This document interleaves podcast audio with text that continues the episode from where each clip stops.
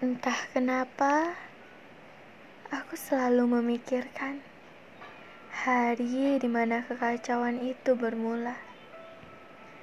Di luar sedang hujan lebat, namun jeritan hujan terkalahkan oleh pertengkaran di bawah sana yang jauh lebih hebat.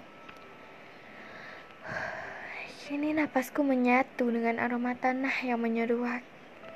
Ada beberapa tetes hangat yang jatuh, lalu menyejuk sebab rintik yang menuntut untuk membasuh.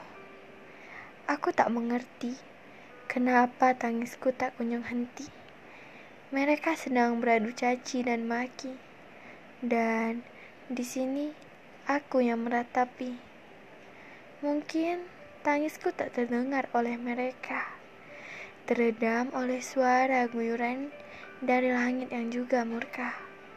Oh, atau bahkan untuk peduli saja mungkin sudah tidak, sebab semuanya sudah terlalu abstrak.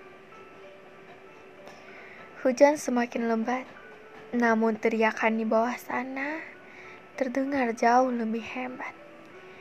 Isi rumah telah terhambur pecah, namun itu tak membuat mereka lelah. Tapi di sini Aku yang lelah. Bagaimana bisa? Aku terlelap di saat mereka sama-sama kalap.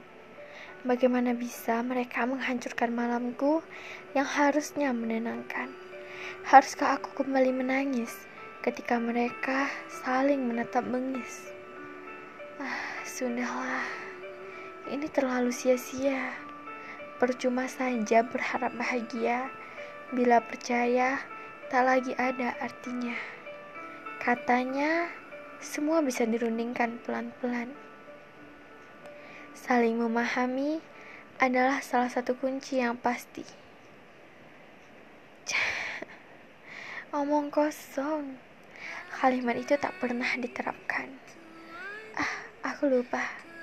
Bagaimana bisa kalimat itu diterapkan?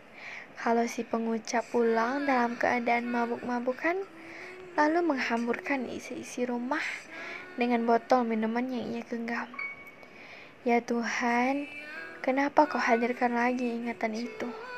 Ingatan yang ingin kujadikan batu, lalu pecah menjadi abu dan tertiup bersama debu.